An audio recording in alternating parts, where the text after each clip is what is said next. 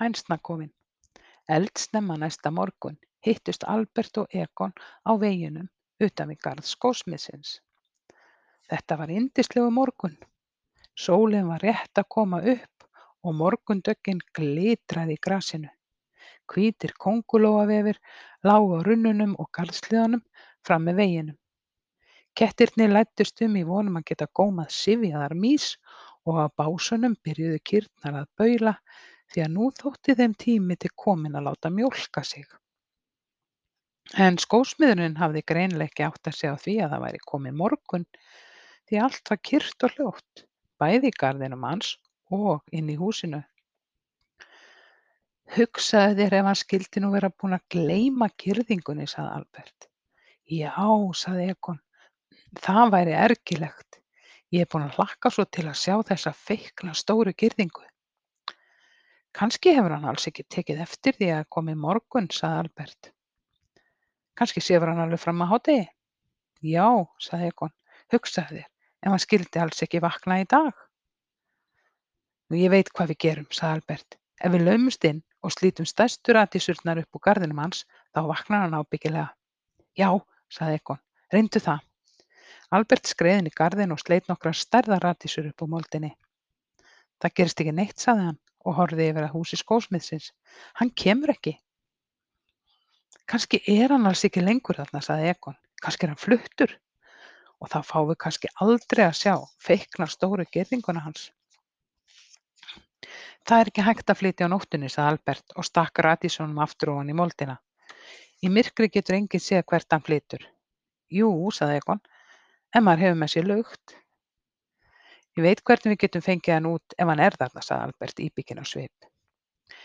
Egon ýtti stráhattinu lengra aftur á hnakka og leit á Albert. Ha, hrópaði hann þegar hann sá hvert Albert var að horfa. Nú veit ég það líka. Við hleypum bara hænsnunum hans út í garðinn. Einmitt, sagði Albert. Drengirnir hlupu yfir að hænsnakofanum. Passaðu nú að þær velti þér ekki um koll, sagði Albert og opnaði dyrnar gætilega. Það gerðist ekki neitt. Drengirnir stóðu kyrrir og biðu smá stund og þegar þeim fannst biðin orðin nógu löng, gegðust þeir inn í hænsnakofan til að vita hvort hænurnar væru dauðar. Hænsnakofinn var tómur. Albert og Egon urðu svo steinhissa að þeir hlömmuðu sér beint á rassinn. Hann hefur gabbað okkur, hrópaði Albert. Þetta er ferlegt svindl. Já, hrópaði Egon. Eru það nú svik? Í alla nótt er ég búin að hlakka til að sjá girðinguna. Ég líka, hrópaði Albert. Ég hugsa svo mikið um þessa girðingu að ég hef alls ekki getað sofið. Það láfið að drengirni færu báðir að skæla af gremju en þá heyrðu þeir vörubíl koma skröltandi eftir veginu og í gegnum allan hávaðann heyrðu þeir mann hrópa: Stansaðu, ég á heima hérna. Heyrðu mig, sagði Albert og það glaðnaði yfir honum. Mér finnst ég kannast við röddina. Já, sagði Egon. Það er bara einn maður í Kallabæ sem getur hrópað svona hátt. Drengirnir stukku á fætur og hlupu yfir að runnanum. Niður á veginum stansaði stór gulu vörubíl með stóran stafla af timbri og efst á staflanum sat skósmiðurinn og hélt dauðahaldi í fjalirnar.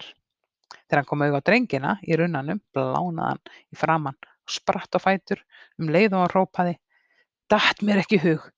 Ekki má heiðalegt fólk bregða sér svo út fyrir hússins dyr að þessi litlu ógeðslegu óþokkar reyni ekki að hleypa hænsnunum út úr kofanum. En í þetta skipti gabbaði ég þá. Hænsnin eru lokuð inni í eldhúsi og þar verða þau þangað til girðingin er fullgerð. Maðurinn sem ók gula vörubílnum stóð og starði á skósmiðinn sem var svo æstur að hann var nærri dottinn ofan af staflanum. Stiltu þig nú gamli skröggur, sagði maðurinn, annars detturðu bara niður af pallinum. Hvað segirðu? hrópaði skósmiðurinn skelkaður og greip aftur dauðahaldi í fjalirnar. Er ég að detta? Maðurinn hristi höfuðið, kveikti sér í pípu og sagði við Albert og Egon. Viljið þið ekki hjálpa mér að taka fjalirnar ofan af pallinum áður en karlfíflið dettur niður og hálsbrýtur sig? Kemur ekki til mála, æpti skósmiðurinn. Þrjótarnir skulu ekki fá að snerta fjalirnar mínar. Þetta eru ennþá mínar fjalir, sagði maðurinn og hélt áfram að totta pípuna. Ég vil helst að þú borgi fyrir fjalirnar áður en þú slærð eign þinni á þær. Ég er búinn að borga fyrir tíu, hrópaði skósmiðurinn og byrjaði að brölta niður að staflanum. Þú skalt bara gjöra svo vel að láta mig hafa þessa tíu. Heyrðirðu þetta, sagði Egon við Albert, bara tíu? Já, sagði Albert, það verður ómerkileg girðing ef hann ætlar bara að nota tíu fjalir. Hugsaðu þér, ef hann keyrir nú í burtu með alla hinar, sagði Egon, þá fáum við aldrei að sjá þessa girðingu. Hann má ekki fara í burtu með þær, sagði Albert. Ef skósmiðurinn á enga peninga þá fer hann burtu með þær. Já, sagði Egon og ýtti reiðilega við hattinum og þá höfum við ekki haft neitt upp úr því að vaka í alla nótt. Skósmiðurinn og maðurinn á gula vörubílnum byrjuðu að rífast svo að fólk vaknaði víðsvegar í Kallabæ. Maðurinn á gula vörubílnum gat hrópað næstum því eins hátt og skósmiðurinn. Albert og Egon stóðu kyrrir og horfðu á þá. Þeir horfðu líka á gula vörubílinn og allt í einu þreif Albert í handlegginn á Egon. Sérðu kaðalinn þarna? spurði hann æstur. Utan á vörubílnum hékk gildur saman vafinn kaðall. Hvað meinarðu? spurði Egon. Bara við getum bundið vörubílnum við eitthvað með honum, sagði Albert. Þá gæti asninn þarna ekki farið burtu með allar þessar fínu fjalir. Við getum kannski bundið hann fastan við hænsnakofan, sagði Egon. Já, auðvitað, sagði Albert og klappaði Egon á herðarnar. Alltaf dettur þér eitthvað frábært í hug, Egon. Þess vegna ertu vinur minn. Jæja, sagði Egon og lagaði á sér stráhattinn.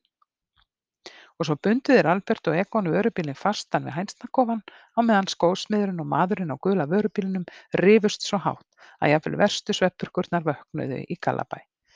Þeir nýttu marga stóra hnúta svo að bílinn kæmist ekki burtu. Þegar því var lokið neru þeir saman lóanum, glottu íbyggnir á svipinn og klifruðu upp í perutriði til að sjá hvað svo gerðist. Ég vil fá fjalirnar mínar, hrópaði skósmiðurinn. Þú getur fengið tíu, hrópaði maðurinn og tók tíu fjalir af bílnum. Tíu fjalir og þar með búið. Nei, heyrðu nú, hrópaði skósmiðurinn. Þetta á að vera feiknastór girðing, allt í kringum húsið mitt. Girðing sem dugar til að halda strákum frá hensnunum mínum og radísunum. Ha, hrópaði maðurinn. Þótt þú reisi girðingu sem næði upp í hálfan himinin, þá kæmust strákarnir samt inn í garðinn til þín. Ég þekki stráka því ég var sjálfur einu sinni strákur. Sveiatan, hrópaði skósmiðurinn. Það má svo sem sjá það á þér. Maðurinn svaraði þessu alls ekki. Hann settist undir stýri, setti bílinn í gang og veifaði til skósmiðsins sem snerist í kringum sjálfan sig við hliðin á bílnum. Ha, sagði Albert, hann kemst ekki í burtu með fjallinnar. Nei, sagði Egon og frussaði kæti, við höfum séð um það. Skósmiðurinn skal ábyggilega fá girðinguna sína, sagði Albert. Karlinn á bílnum vissi ekki hvað við erum skynsami strákar. En áður en Albert var búinn að segja Egon frá því hvað strákar geta verið skynsamir, þá heyrðust brak og brestir og vörubíllinn ók á stað. Og það var ekki bara vörubíllinn sem fór á stað. Á eftir sér dró hann hænsna kofan í kaðlinum. Heyrðu mig, hættu nú, stoppaðu, stansaðu, æpti skósmiðurinn og hljóp á eftir hænsnakofanu sínum. Hvað í ósköpunum á þessi frekja þýða? En hann fekk ekkert svar. Vörubíllinn og hænsnakofinn voru komnir á fulla ferð og óku með skrölti og látum niður götuna í Kallabæ. Framhjá andapollinum svo að endurnar stungu sér skelfingulosnar á kaf áfram fyrir hornið hjá kaupmanninum uns komið var út fyrir Kallabæ. Þeir sem höfðu komist fram úr rúminu í tæka tíð stóðu gapandi af undrun og gláptu á eftir hænsnakofanum sem ók framhjá. Ó nei, hrópaði skósmiðurinn og skimaði öskureiður í kringum sig. Ég er illa svikinn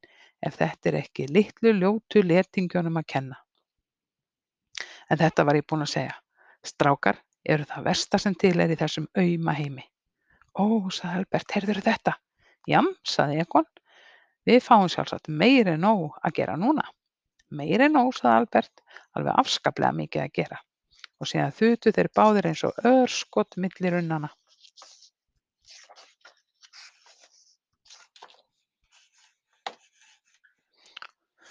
Þannig var nú það.